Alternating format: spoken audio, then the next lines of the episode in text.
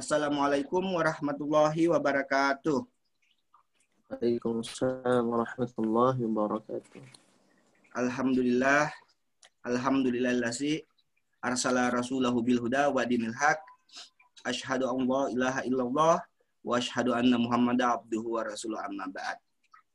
Puji syukur kita panjatkan kehadirat Allah Subhanahu wa taala yang telah memberi kita nikmat iman, nikmat kesehatan, dan nikmat dan nikmat-nikmat yang lainnya sehingga kita tidak mampu menghitung nikmat yang diberikan Allah kepada kita semua. Alhamdulillah.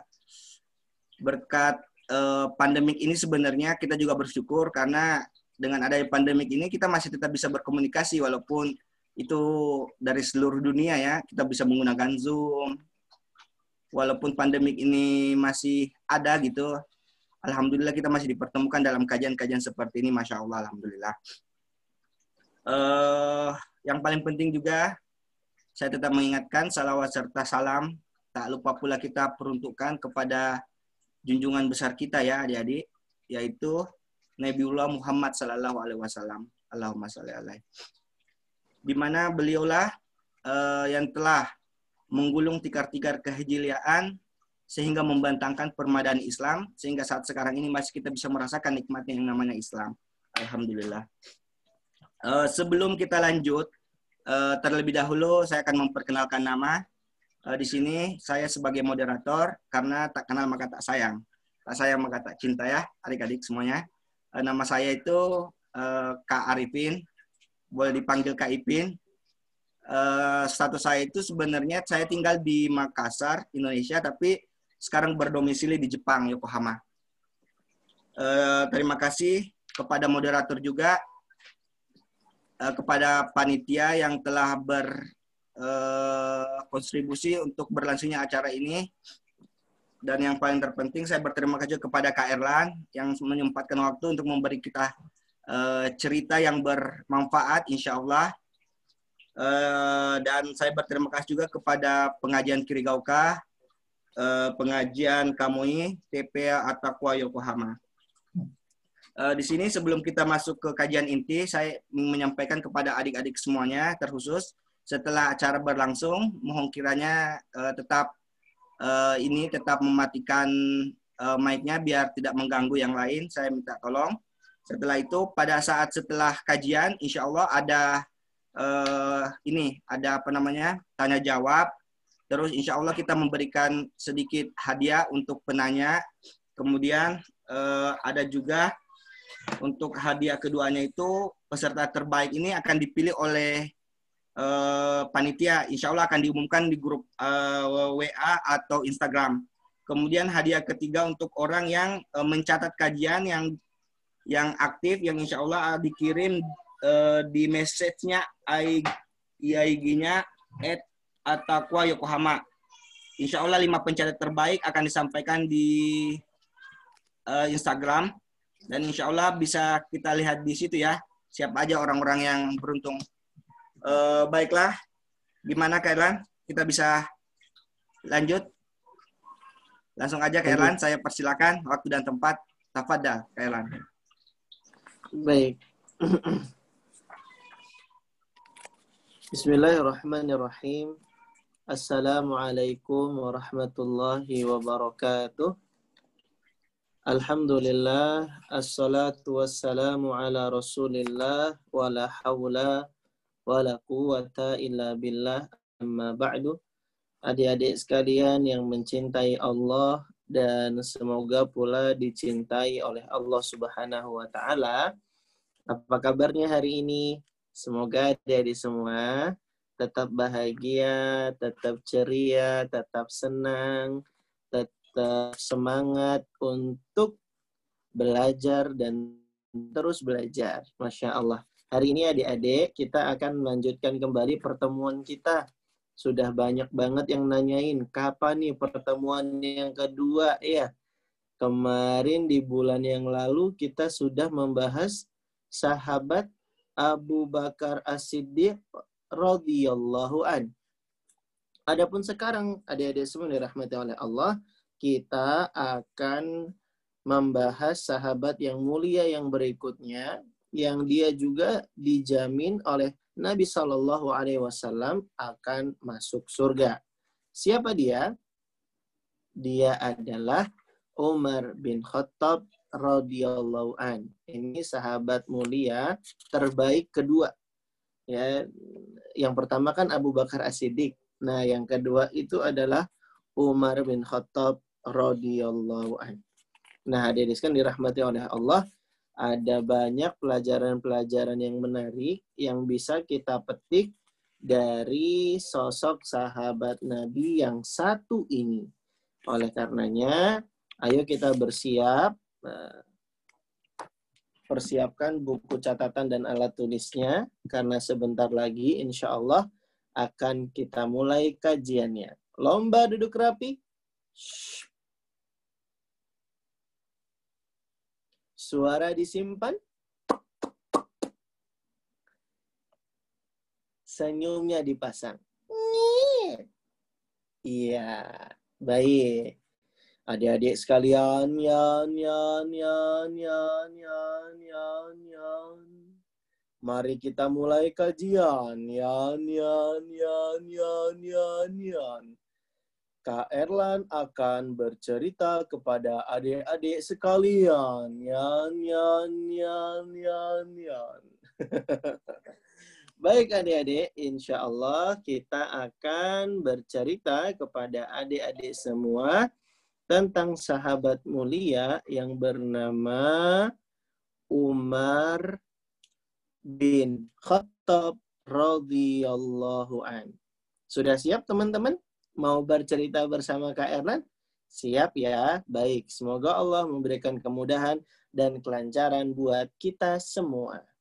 Baik, adik-adik sekalian dirahmati oleh Allah Subhanahu wa taala, sahabat mulia yang bernama Umar bin Khattab radhiyallahu an adalah sahabat yang nantinya akan menggantikan Abu Bakar As-Siddiq sebagai pemimpin kaum muslimin. Jadi, setelah wafatnya Nabi Muhammad Shallallahu alaihi wasallam, pemimpin kaum muslimin itu adalah Abu Bakar. Nah, setelah Abu Bakar yang menggantikan adalah Umar bin Khattab radhiyallahu an. Jadi, Umar bin Khattab itu adalah sahabat Nabi yang terbaik setelah Abu Bakar As-Siddiq. Nah, hari ini kita mau kenalan karena kata Kak Arifin tadi kan tak kenal maka tak sayang, ya kan? Makanya kita mau kenalan dengan sahabat Umar bin Khattab. Biar kita makin cinta dengan sahabat Umar bin Khattab. Apakah Erwan? Cinta? Cie, cie. Ini bukan cinta-cinta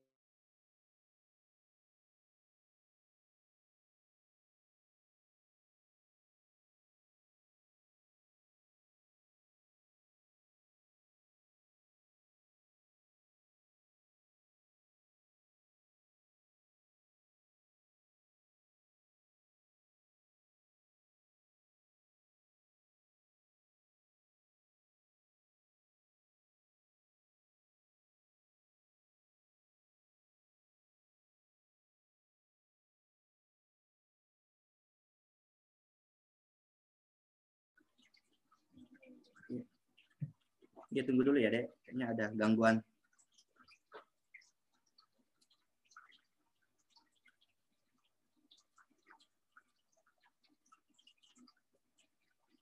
Hmm, kayaknya lagi ini kali ya. Ada gangguan sinyal kali. Tunggu dulu ya, sabar dulu ya, Dek.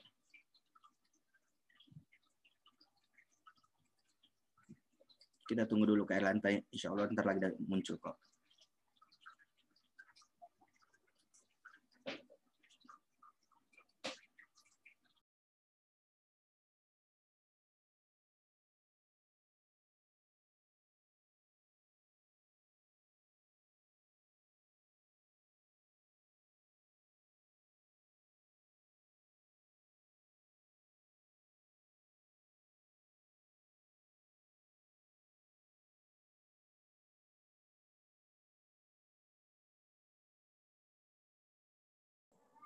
Assalamualaikum. Alhamdulillah, Kak datang lagi tuh. Sinyalnya, Masya Allah. Masya Allah, sinyalnya ya. Tadi Kak sudah sampai mana ya ceritanya ya? Tadi baru perkenalan kayaknya kak. Baru perkenalan dengan Iya. Tak, tak cinta maka tak- Umar bin Khattab. Iya. Yap. Oh, Kenal- sampai tak kenal maka tak sayang, itu Iya. ya? Tak saya Oh, maka iya. tak cinta ya. Oke, makanya eh, supaya kita makin cinta dengan Umar bin Khattab, maka kita harus kenalan, ya. Maka kita hari ini akan mendengarkan kisah dari sahabat yang mulia, sahabat Umar bin Khattab radhiyallahu an. Sahabat ini termasuk dalam golongan muhajirin. Muhajirin itu artinya orang yang berhijrah dari Mekah ke Madinah di kala itu karena Umar bin Khattab itu lahir di kota Mekah. Lahir di kota mana adik-adik? Di kota Mekah. Kapan? Dekat Yokohama. Jauh, Yokohama di Jepang. Kalau Mekah di Saudi Arabia. Ya. Dan eh, Umar bin Khattab itu meskipun dia wafatnya di Mekah, eh lahirnya di Mekah, nanti dia wafatnya di Madinah. Nanti Kairan ceritain gimana proses wafatnya Umar bin Khattab radhiyallahu an. Tapi di awal-awal ini Kairan mau cerita dulu kepada teman-teman semua siapa sih sebenarnya Umar bin Khattab itu? Ya, Umar bin Khattab itu nama panjangnya adalah Jadi tahu nggak siapa nama panjang Umar bin Khattab? Umar bin Khattab bin Nufail bin Adi. Umar bin Khattab bin Nufail bin Adi. Jadi dia dari Bani Adi, adik-adik. Sama-sama orang Quraisy juga, tapi dia dari Bani Adi. Kalau Nabi Muhammad kan dari Bani Hashim. Ya. Nah, ini kalau Umar bin Khattab dari Bani Adi. Nah, adik-adik sekalian, Umar bin Khattab itu orangnya tinggi. Kepala depannya agak pelontos. Dia itu matanya hitam, kulitnya kuning. Ada juga yang bilang kulitnya warnanya putih hingga kemerah-merahan. Giginya putih, bersih, dan mengkilat. Sering. dan Umar bin Khattab itu juga selalu merapihkan rambutnya dan janggutnya itu begitu lebat ya adik-adik ya. Nah, seperti itulah gambaran Umar bin Khattab radhiyallahu an. Terbayang nggak teman-teman? Kira-kira Umar bin Khattab itu gimana ya orangnya? Nah, teman-teman semua dirahmati oleh Allah Subhanahu wa taala, Umar bin Khattab itu dulunya justru malah membenci Islam dan kaum muslimin. Hah? Kurang kompak kagetnya. Diulang ya. Adik-adik tahu nggak Umar bin Khattab itu justru di awal-awal dulu sangat membenci Islam dan kaum muslimin. Hah? Kurang, kurang, kurang. Ekspresinya kurang. Mana ekspresinya gitu ya. Sambil gini tangannya. Hah? Gitu diulang ya. Adik-adik tahu nggak? Umar bin Khattab itu dulunya sangat membenci Islam dan kaum muslimin. Nah, gitu ya. nah, dari sini dirahmati oleh Allah Subhanahu wa taala, tapi kemudian eh, Nabi Muhammad Shallallahu alaihi wasallam pernah berdoa. Doanya Nabi Muhammad Shallallahu alaihi wasallam adalah mengharapkan ada salah seorang dari pembesar-pembesarnya orang Quraisy yang masuk Islam. Dua orang yang disebut Nabi itu, yang pertama Abu Jahal, yang kedua Umar bin Khattab. Nah, Nabi berdoa nih, adik-adik. Nabi berdoa kepada Allah Subhanahu wa taala, Allahumma a'izal islama bi ahabbi hadaini rajulaini bi Abi Jahal bin Hisham au Umar bin Khattab. Adik-adik sekalian dirahmati oleh Allah, Nabi berdoa, Ya Allah, Allahumma. Allahumma itu artinya ya Allah. A'izal Islam. Muliakanlah Islam. Bi ahabbi rajulaini. Dengan dua orang yang engkau cintai. Jadi Nabi berdoa supaya Allah memuliakan Islam dengan salah satu dari dua orang yang Allah cintai. Yang pertama Abu Jahal, yang kedua Umar bin Khattab. Dan adik-adik kan dirahmati oleh Allah, ternyata yang lebih Allah cintai dari dua nama orang yang tadinya sangat membenci Islam ini adalah Umar bin Khattab yang dicintai oleh Allah Subhanahu wa taala. Karena terus Abu Jahal gimana? Abu Jahal tidak dicintai oleh Allah Subhanahu wa taala karena Abu Jahal itu orangnya sangat jahat dan begitu benci dengan Nabi Muhammad sallallahu alaihi wasallam. Abu Jahal itu adik-adik meninggal dunia dalam keadaan kafir. Dia bahkan mati dalam keadaan sedang berperang dengan kaum muslimin. Abu Jahal itu meninggal di perang Badar. Abu Jahal meninggalnya kapan? Di perang Badar. Ya, adik-adik ya, dalam keadaan sedang memusuhi kaum muslimin. Jadi, Allah mengabulkan doanya Nabi Muhammad tadi. Nabi Muhammad kan doa, Allahumma a'izal islama bi ahabbi hadaini rajulaini. Ya Allah, muliakanlah Islam dengan orang yang engkau cintai dari kedua ini. Entah itu Abu Jahal, entah itu Umar bin Khattab. Ternyata yang dipilih dicintai oleh Allah adalah Umar bin Khattab. Benar saja, Umar bin Khattab yang tadinya sangat membenci Islam, saking bencinya ya adik-adik ya, kairan pakai mat wajib mutasil. saking bencinya adik-adik Umar bin Khattab dengan kaum muslimin dan Islam, permusuhannya sangat luar biasa. Umar bin Khattab itu nggak terima kalau adiknya yang namanya Fatimah itu masuk Islam. Ya, dan sekalian dirahmati oleh Allah, tapi kemudian hidayah itu menyapa Umar bin Khattab. Umar bin Khattab kemudian masuk Islam. Di saat kaum muslimin ketika itu adik-adik, mereka kalau sudah masuk Islam, mereka menyembunyikan keislamannya. Karena uh, ketika awal-awal kaum muslimin mereka masuk Islam di kota Mekah, mereka itu khawatir disiksa adik-adik. Karena begitu besar kesedihan dan juga siksaan yang mereka terima dari orang-orang Quraisy yang padahal itu saudara dan keluarga mereka sendiri. Nah, adik-adik sekalian dirahmati oleh Allah, ternyata Umar bin Khattab itu masuk Islam dan Umar bin Khattab tidak seperti kaum muslimin yang lainnya yang mereka kalau masuk Islam diam-diam gitu ya, menyembunyikan keislamannya. Tapi Umar bin Khattab justru dia sangat berani menampakkan keislamannya sampai-sampai Ibnu Abbas radhiyallahu anhu mengatakan awalu man jahara bil Islam Umar bin Khattab. Kata Ibnu Abbas, orang yang pertama menampakkan keislamannya secara terang-terangan adalah Umar bin Khattab radhiyallahu an.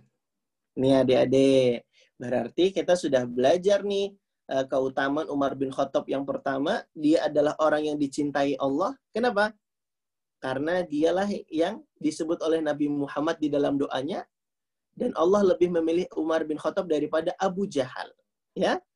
Terus yang kedua Umar bin Khattab itu orang yang berani menampakkan keislamannya. Umar bin Khattab radhiyallahu anhu. Siapa nama panjangnya tadi adik-adik? Umar bin Khattab bin Nufail bin Adi. Umar bin Khattab bin Nufail bin Adi. Sudah dicatat belum? Sudah kadang. Tapi coba diulangi lagi. Oke. Umar bin Khattab bin Nufail bin Adi. Tayyib. Barakallahu fiqh. Nah, Adik sekalian yang dirahmati oleh Allah Subhanahu wa taala, kita lanjutkan ya ceritanya. Adik-adik sekalian dirahmati oleh Allah Subhanahu wa taala, eh, Umar bin Khattab itu orangnya sangat berani dan tegas. Jadi dia adalah orang yang paling pertama berani menunjukkan keislamannya. Pokoknya yang nggak terima kalau Umar masuk Islam, sini hadapi Umar. Wow, Umar itu orangnya berani. Badannya besar, tegas, berwibawa. Jadi banyak orang-orang yang takut sama Umar bin Khattab, adik-adik. Masya Allah. Bahkan nggak cuma orang-orang yang takut sama Umar bin Khattab. Setan pun takut sama Umar bin Khattab. Apakah Irlan? Setan. Kalau ketan mah buat dimakan. Ini setan. Setan takut sama Umar bin Khattab radhiyallahu an. Nabi Shallallahu alaihi wasallam bersabda, "Ini la anzuru ila syayatinil insi wal jinni qad faru min Umar." Kata Nabi Shallallahu alaihi wasallam, "Sungguh aku melihat setan-setan dari kalangan jin dan manusia, mereka kabur, lari terbirit-birit, takut kalau melihat Umar." Nah, adik-adik, ini saking hebat dan istimewanya Umar bin Khattab sampai-sampai setan itu takut. Setan dari kalangan jin atau manusia. Jadi memang setan itu kan sifatnya adik-adik. Dan setan itu bisa dari kalangan jin atau manusia. Sebagaimana surat Anas yang kita baca. Minal jinnati wan nas. Setan dari kalangan jin dan manusia.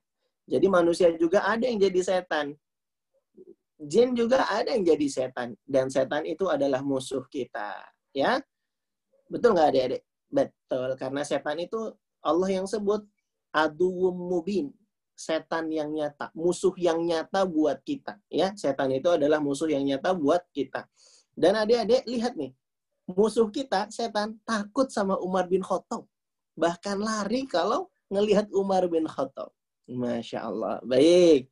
Sekarang lomba duduk rapi. Kita yel-yel dulu yuk. Wahidun. Satu. Pakai gerakan ya. Wahidun. Satu. Mana kok nggak semangat sih? Masih duduk diam aja gini. Semangat dong. Yuk, coba yuk. Wahidun. Satu. Gerakannya mana? Gerakannya. Ithnani. Dua. Salah satun tiga arbaatun empat penciptaku Allah sambil nunjuk ke mana? Nunjuk ke atas. Allah ada di mana? Allah ada di atas. Penciptaku Allah nabiku Muhammad sambil begini. Nabi Muhammad orangnya kuat dan hebat. Nabiku Muhammad agamaku Islam sambil gini doa pasrah ya agamaku Islam musuhku setan iya setan benar setan tapi jangan nunjuk Kak Erlan emangnya Kak Erlan setan Masanya masa Kak Erlan bilang musuhku setan nunjuknya lebih ke Kak Erlan emangnya Kak Erlan setan diulang diulang diulang penciptaku Allah. Sambil nunjuk ke mana? Nunjuk ke atas. Allah ada di mana?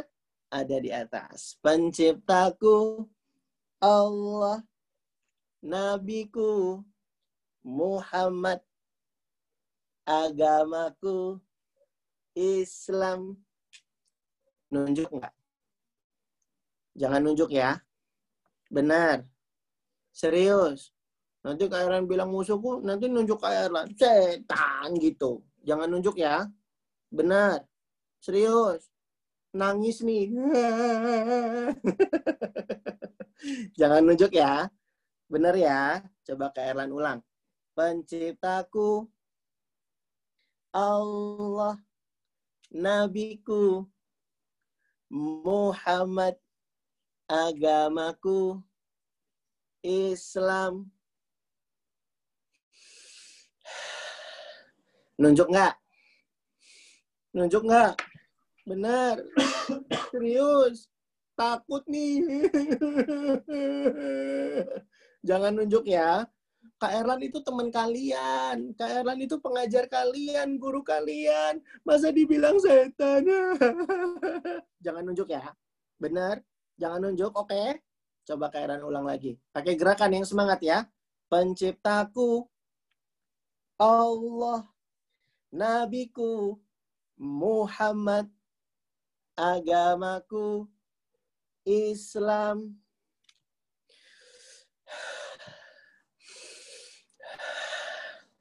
Kitabku Al-Quran.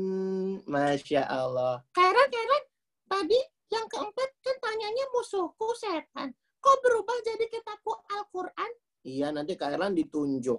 Nanti Kak Erlan bilang musuhku setan gitu. Nggak mau, nggak mau, nggak mau.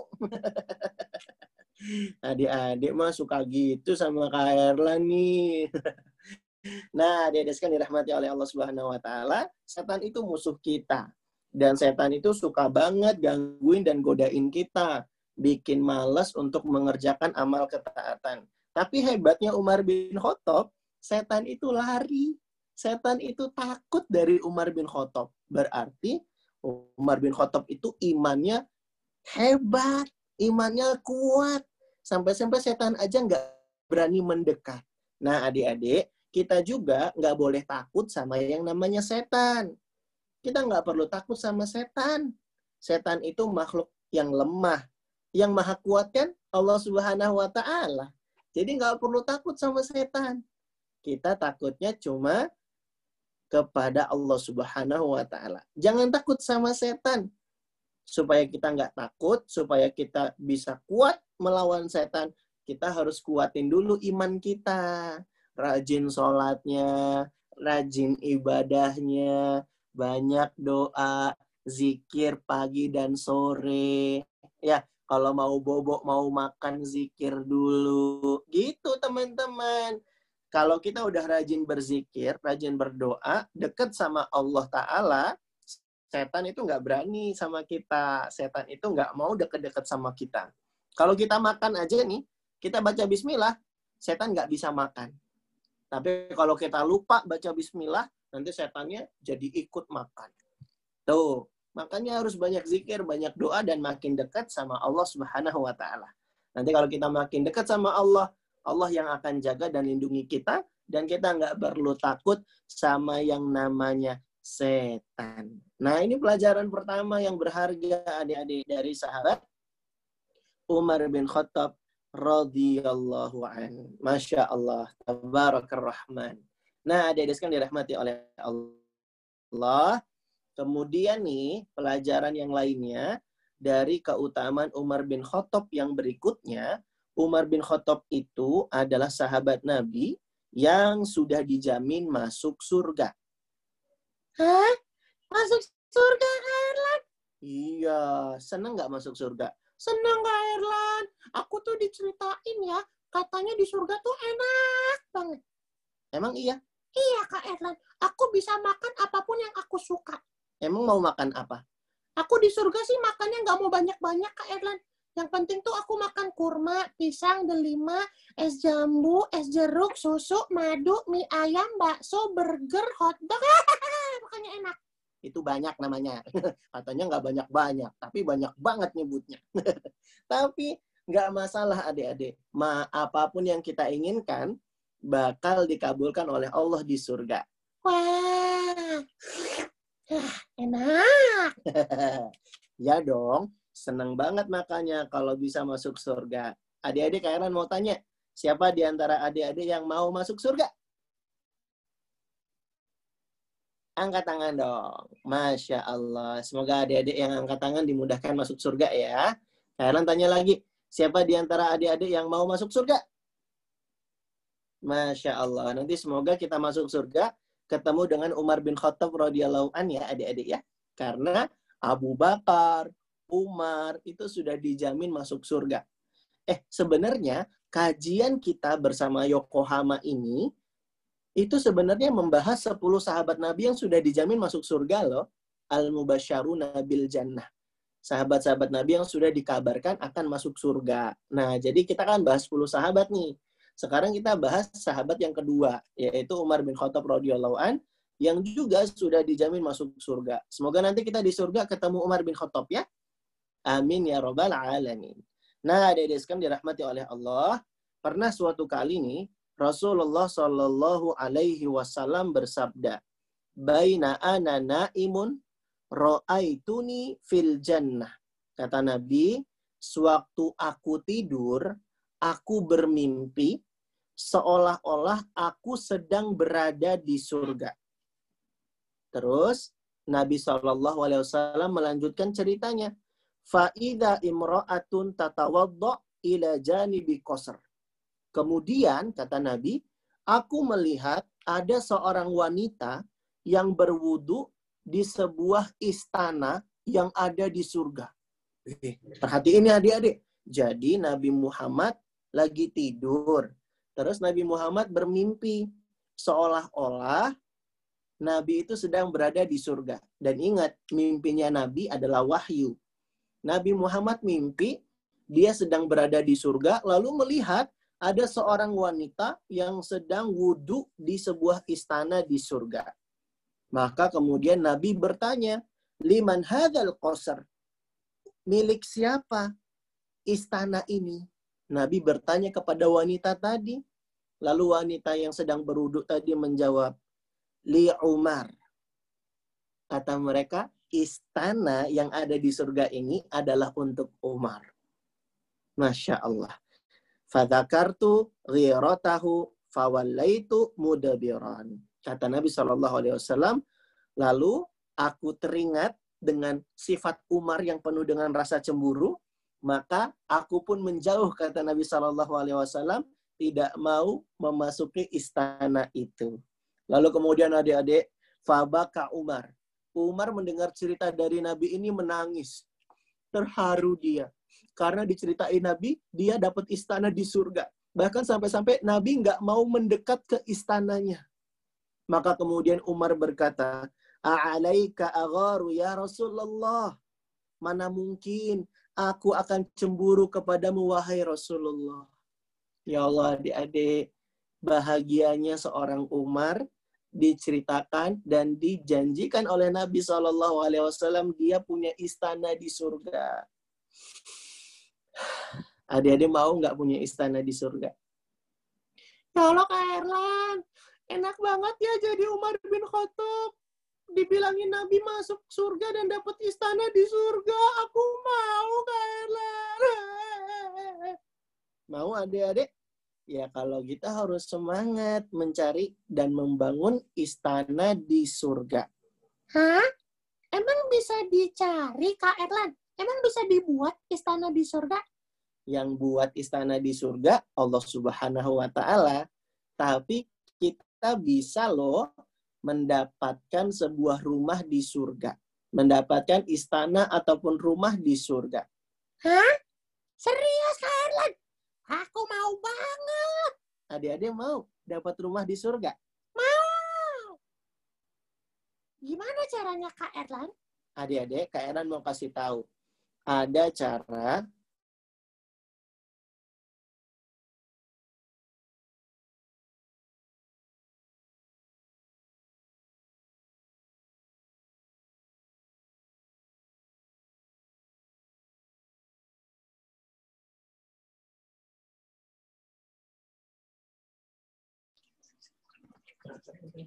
Maaf deh ya, kayaknya lagi gangguan lagi nih jaringannya nih. Kak Erlan, dirimu sekarang berada di mana?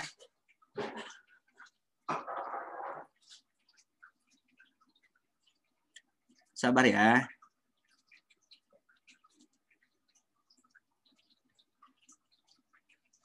Jadi setelah acara ini ada sesi tanya jawab ya. Dua eh, peserta yang bertanya insya Allah dapat hadiah nih dari admin kajian Yokohama ya. Jadi siap-siap ya.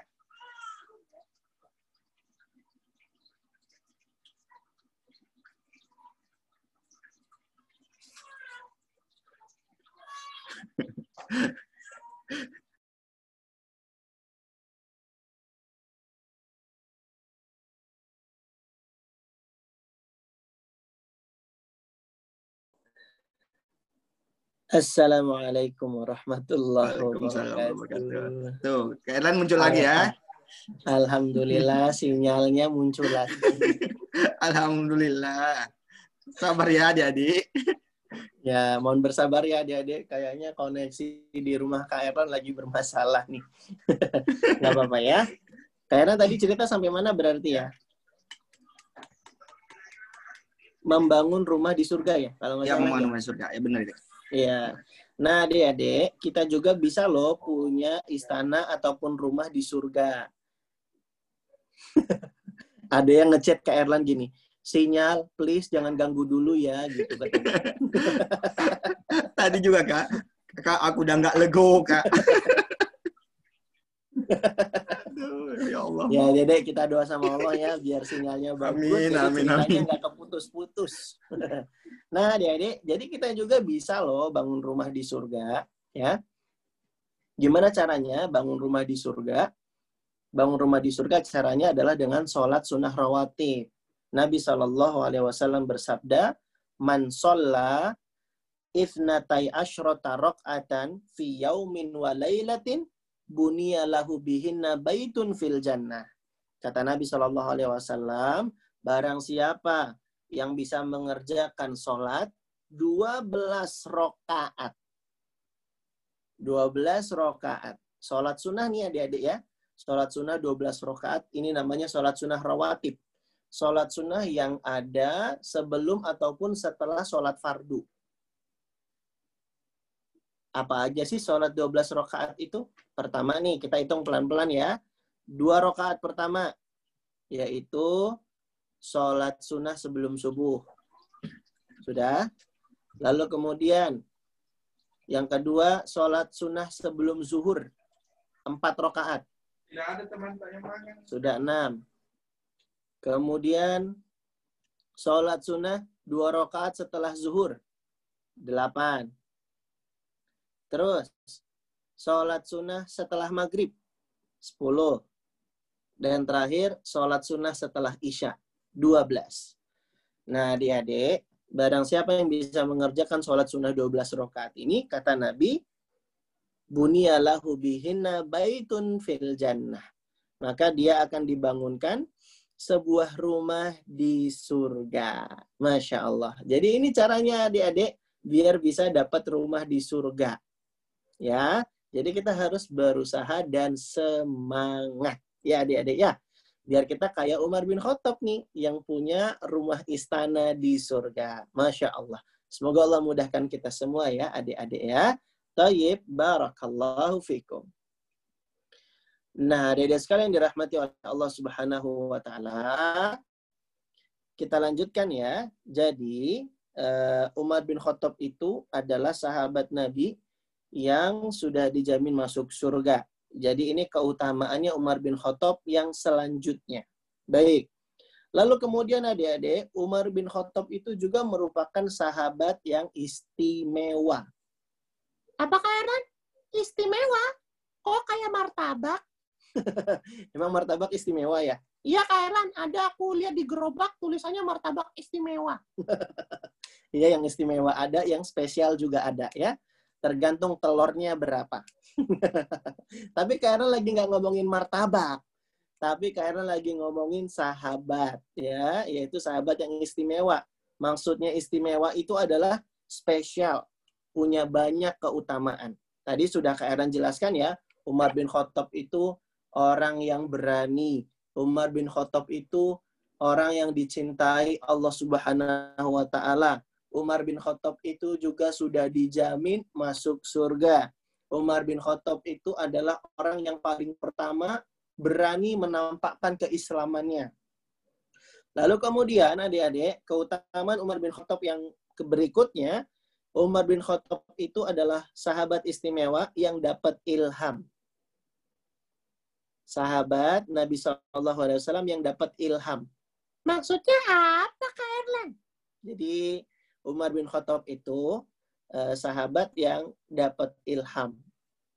Artinya dia beberapa kali mencocoki dengan apa yang dikatakan oleh Allah Subhanahu wa taala. Nabi pernah bersabda, "Laqad kana fi ma qablakum minal umam muhaddatsun ay fa in yaku fi ummati ahadun fa innahu Umar." Kata Nabi Shallallahu Alaihi Wasallam, sungguh ada orang-orang dari umat-umat sebelum kalian yang mereka itu dapat ilham. Dan ketahuilah kata Nabi, sesungguhnya orang yang dapat ilham di kalangan umatku ini dia adalah Umar bin Khattab radhiyallahu anhu. Nah, supaya adik-adik bisa paham apa sih yang Kak Erlan maksud dengan ilham, apa sih yang Kak Erlan maksud dengan orang yang dapat ilham. Jadi gini adik-adik, Umar bin Khattab itu pernah punya keinginan, pernah punya harapan, wah kayaknya bagus nih kalau ada pengerjaan sholat sunnah di belakang makom Ibrahim. Makom Ibrahim itu adik-adik adalah tempat berdirinya Nabi Ibrahim ketika bangun Ka'bah. Adik-adik pernah ke Ka'bah nggak? Pernah ke Masjidil Haram? Uh, nanti lihat ada bangunan kecil dilapisi dengan warna kuning. Nah, itu namanya tempat yang disebut dengan Makom Ibrahim. Makom Ibrahim bukan kuburannya Ibrahim ya, tapi tempat berdirinya Nabi Ibrahim. Nah, adik-adik, Umar bin Khattab itu punya hasrat dan pikiran uh, kayaknya baik nih kalau sholat di belakang makom Ibrahim. Nah, ketika Umar bin Khattab berhasrat seperti ini, ternyata turun firman Allah Subhanahu wa taala. Wattakhidhu Ibrahim musalla. Kata Allah Subhanahu wa taala, dan jadikanlah sebagian makom Ibrahim sebagai tempat sholat.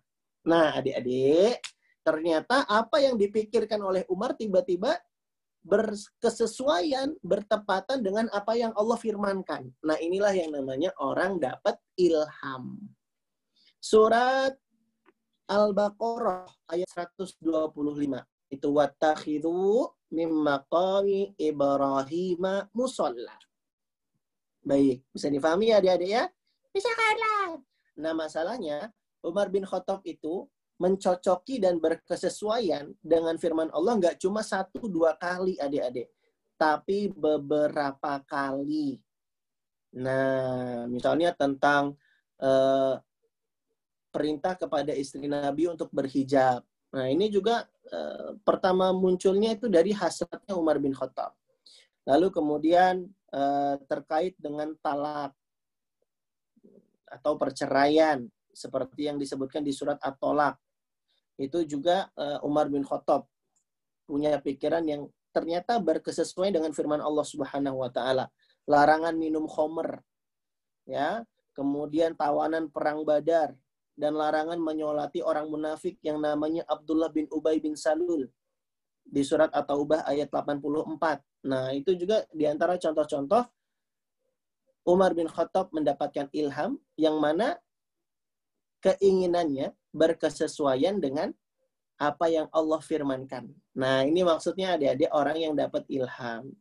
Bahkan nih pernah Nabi Shallallahu Alaihi Wasallam sampai-sampai bersabda tentang Umar bin Khattab, "Laukana ba'di nabiyun, lakana Umar bin Khattab." Kata Nabi, kalau aja ada nabi setelahku, maka Umar bin Khattab yang akan menjadi nabi. Tapi kan Nabi Muhammad itu khotaman nabiyin. Nabi Muhammad itu penutup para nabi. Jadi nggak ada nabi lagi setelah Nabi Muhammad. Tapi Nabi berandai-andai, Nabi bilang kalau aja memang ada nabi setelahku, maka Umar bin Khattab yang akan jadi nabi. Nah ini menunjukkan apa? Umar bin Khattab itu adalah sahabat Nabi yang istimewa. Ya, sahabat Nabi yang spesial. Nah, adik-adik sekalian yang dirahmati oleh Allah Subhanahu wa taala, inilah cerita kita dari sahabat Umar bin Khattab radhiyallahu an. Dia adalah sahabat Nabi yang paling utama dan kata Imam An-Nawawi, ahlu sunnah itu bersepakat adik-adik. Sahabat yang paling utama itu Abu Bakar, kemudian Umar. Jadi uh, kita harus mencintai sahabat-sahabat yang utama ini adik-adik. Jangan seperti orang-orang yang membenci Abu Bakar dan Umar. Boleh nggak adik-adik benci Abu Bakar dan Umar? Nggak boleh. Ini sahabat Nabi yang utama. Harusnya kita cintai. Begitu adik-adik sekalian yang dirahmati oleh Allah Subhanahu wa taala. Jadi kita ringkas dulu yuk.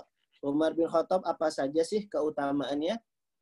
Yang pertama, dia adalah sahabat Nabi yang dikatakan dicintai oleh Allah Subhanahu wa taala. Karena Nabi pernah berdoa, Allahumma a'izzal Islam bi ahabbi hadaini rajulaini.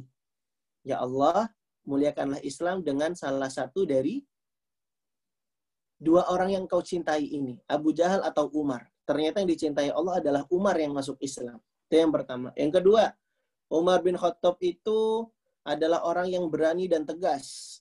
Dia tidak segan-segan menampakkan keislamannya.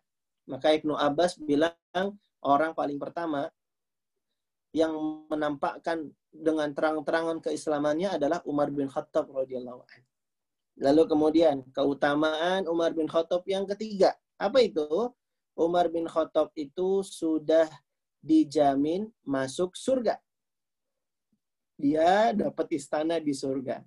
Umar bin Khattab juga itu saking berani dan tegasnya, setan itu sampai lari dan kabur dari Umar bin Khattab radhiyallahu anhu. Lalu kemudian apalagi ya keutamaan Umar bin Khattab? Umar bin Khattab itu keutamaan yang berikutnya ya. Umar bin Khattab itu sudah dipastikan oleh Nabi SAW dia akan mati syahid. Mati di jalan Allah Subhanahu wa taala dalam keadaan yang mulia. Karena Umar bin Khattab itu adik-adik wafatnya dia terbunuh. Dia dibunuh oleh seseorang yang sangat jahat, budak majusi yang namanya Abu Lu'lu'ah. Siapa nama pembunuhnya adik-adik? Abu Lu'lu'ah. Dan Abu Lu'lu'ah ini nggak gentleman banget. Nggak nggak berani terang-terangan langsung ngebunuh Umar. Dia cupu. dia cemen banget karena dia beraninya ngebunuh Umar ketika Umar bin Khattab lagi mengerjakan sholat subuh. Tuh adik-adik, pas sholat subuh dibunuh sama Abu Lu'lu'ah. Kan kalau lagi sholat kan lagi serius dan khusyuk ya adik-adik ya. Namanya lagi mau sholat. Lah ini tiba-tiba dia nyerang, ditikam dengan senjata tajamnya. Nah, diadeskan dirahmati oleh Allah Subhanahu wa taala beberapa hari setelah kejadian ditikamnya Umar bin Khattab oleh Abu Lu'lu'ah itu, kemudian Umar bin Khattab pun meninggal dunia ya masya Allah la haula wa la quwata illa billah dan Umar bin Khattab itu wafatnya di tanggal 25 Zulhijjah tahun 23 Hijriyah. Tahun berapa? 23 Hijriyah. Nah, adik-adik, Kairan juga sekaligus mau merevisi dan memperbaiki Kak Erlan eh, pas kajian Abu Bakar kemarin salah sebut Abu Bakar itu meninggalnya di tahun 13 Hijriah bulan Jumadal Ula. Kak Erlan kemarin kayaknya sebutnya Robiul Awal. Nah, Kak Erlan salah sebut, yang benar Jumadal Ula. Wafat di usia yang ke-63 tahun. Itu kalau eh, Abu Bakar As-Siddiq radhiyallahu anhu. Dan kalau Umar bin Khattab ya kisaran 60 tahun juga ya. Tidak jauh berbeda. Ya, jadi usianya sekitar 60 tahun. Kalau Umar bin Khattab radhiyallahu anhu. Ya memang umat-umatnya Nabi Muhammad itu adik-adik usianya itu sekitaran 60 sampai 70 tahun. Makanya Nabi pernah bersabda, "A'maru ummati baina sittin ila sab'in." Rata-rata umur umatku kata Nabi antara 60 sampai 70 tahun. Nah, dedeskan dirahmati oleh Allah, itulah yang bisa kita ceritakan pada kesempatan kali ini mengenang kisah Umar bin Khattab yang dia sangat berjasa dengan kaum muslimin, dia terang-terangan membela Islam dan kaum muslimin, bahkan ketika menjadi khalifah pun banyak prestasi-prestasi yang ditorehkan ya uh, Umar bin Khattab itu di zamannya menaklukkan Syam, ya Persia itu di zamannya Umar bin Khattab radhiyallahu an. ya. Jadi memang uh, istimewa nih uh, Umar bin Khattab itu di zamannya bisa menaklukkan Romawi ya. Dan Umar bin Khattab wafat di usia yang ke-60 tahun. Ya, kurang lebih 60 tahun. Tepatnya pada tanggal 25 Zulhijjah tahun 23 Hijriyah. Demikianlah adik-adik kajian yang bisa Kak Erlan sampaikan hari ini. Semoga bermanfaat buat kita semua. Dan tadi katanya Kak Erlan diminta untuk menyampaikan dua pertanyaan sebagai kuis. Ya, ya sebagai kuis nih. Semoga adik-adik uh, bisa menjawabnya ya. Tayyip. Ya, terima kasih Kailan atas uh, materinya pada malam ya, udah malam. Di Jepang udah malam. Mungkin di Indonesia masih maghrib kali ya. Masih sore uh, di sini. Oh, masih sore ya. Alhamdulillah. Gimana adik-adik? Udah ini, udah puas dengan dengan ceritanya Baginda Umar bin Khattab. Semoga kita menjadi Umar bin Khattab berikutnya ya. Amin. Uh, Kailan, gimana nih Kailan untuk sesi uh, pertanyaan Kailan? Kailan yang memberikan pertanyaan, uh, biar kami yang memilih gimana? Ya boleh boleh uh, boleh. Ya udah, adik-adik sekalian mungkin uh, ada yang bisa ini ya, maksudnya yang ingin menjawab itu raise hand biar uh, kita tunjuk gitu ya. Harus berani ya semuanya, siap? Oke, Karlan. Tafadal. Baik. Uh, pertanyaan yang pertama. Belum, belum, belum mulai pertanyaan. Luar biasa Umar Umar bin Khattab ini nih. Generasi nanti sebentar.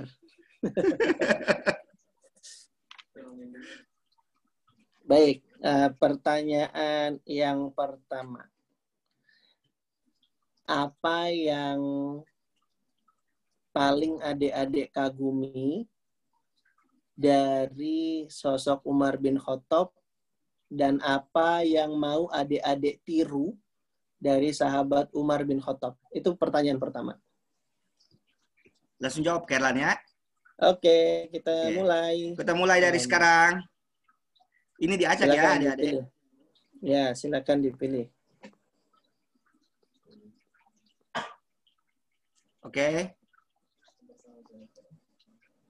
Jadi untuk uh, yang berhak yang pertama itu insya Allah saya dari ini dulu nih. Dari Bekasi, Nadine Bekasi. Bisa dengar kakak nggak? Nadine. Adik. Nadine. Oke. Okay. Ya silakan Nadine Nadine tafadhal. Sa um, saya ingin meniru Umar bin Khattab salat rawatib 12 rakaat. Masya Allah.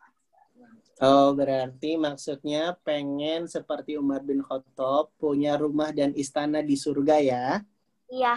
Caranya dengan melakukan sholat sunnah rawatib 12 rakaat. Begitu ya Nadine ya? Iya.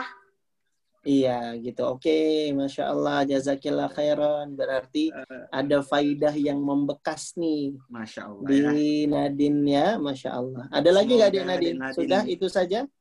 Istiqomah ya dek. Masih ada mungkin? Oh ya. Baik. Selamat dek Nadine. Dapat Selamat dari Nadine ya. Jazakillah, jazakallah khairan ya. ya Kak Erlan. Wa jazakillah khairan dek Nadine. Masya Allah. Baik, berikutnya kita ke pertanyaan yang kedua. Kita turunkan dulu lower all hand. Pertanyaan yang kedua adalah dek dek dek dek. Yeah. Bikin deg-degan dulu ya. Pertanyaan yang kedua adalah siapa nama panjangnya Umar bin Khattab dan siapa yang membunuhnya? Siapa nama panjang Umar bin Khattab dan siapa nama pembunuh Umar bin Khattab. Masya Allah. Ada 44 Allah. yang raise hand. Silakan ya. Arifin. Oke, saya mau Dipilih. dari Monggo. dari ini, dari Umar bin Khattab penerusnya untuk laki-laki ya. ini Mirsa dari Bekasi. Bisa dengar kakak?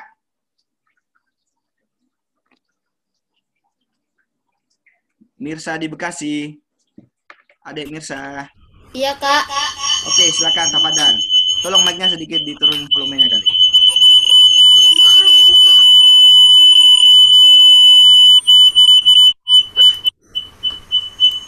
Nama panjangnya Umar bin Khattab bin Nufail bin Adi. Sedangkan nam- nama pembunuhnya adalah Abu Lulu'ah. Masya Allah. Masya Allah, Ahsanta. Mirza. Barakallahu fi. Nah, Selamat ya, Adik Mirsa. Ya, terima kasih ya. Kak Erlan juga terima kasih atas partisipasinya dalam pertanyaan ini. Eh, ini untuk hadiah pertama udah selesai ya. Setelah itu untuk hadiah keduanya itu eh, dua peserta terbaik itu akan dipilih oleh tim penyeleksi dan itu insya Allah eh satu satu orang maaf satu orang akan dipilih eh, dan diumumkan di grup Instagram dan WA ya. Terus untuk hadiah ketiga itu adik-adik yang tadi yang udah mencatat, yang udah ini eh, menulis kajian bisa dikirim ke message Instagramnya @takwa Yokohama. Insya Allah nanti kita akan umumkan eh, di situ. Jadi eh, tontonin terus ya uh, Atakwa Yokohama Insya Allah. Ya eh, kita berdoa ya Kak Arifin. Semoga Allah Subhanahu Wa Taala memberikan sholawat Allahumma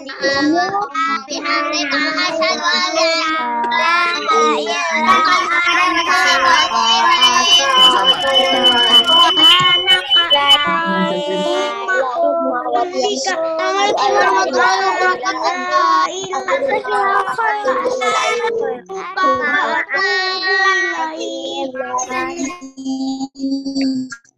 Ya, adik-adik, demikianlah kajian kita kali ini. Subhanakallahumma bihamdika asyhadu alla ilaha illa anta astaghfiruka wa atubu ilaik.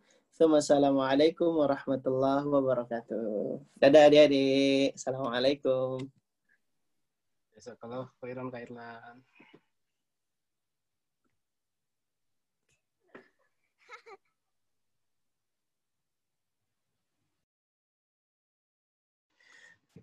Jazakumullah khairan katsiran adik-adik. Nanti ditunggu ya jadwalnya dan pemenangnya. Nanti main-main lagi ya. Assalamualaikum. Bye bye Yukari. Bye bye. Bye bye teman-teman. Bye bye. Terima kasih terus. Nah. Terima kasih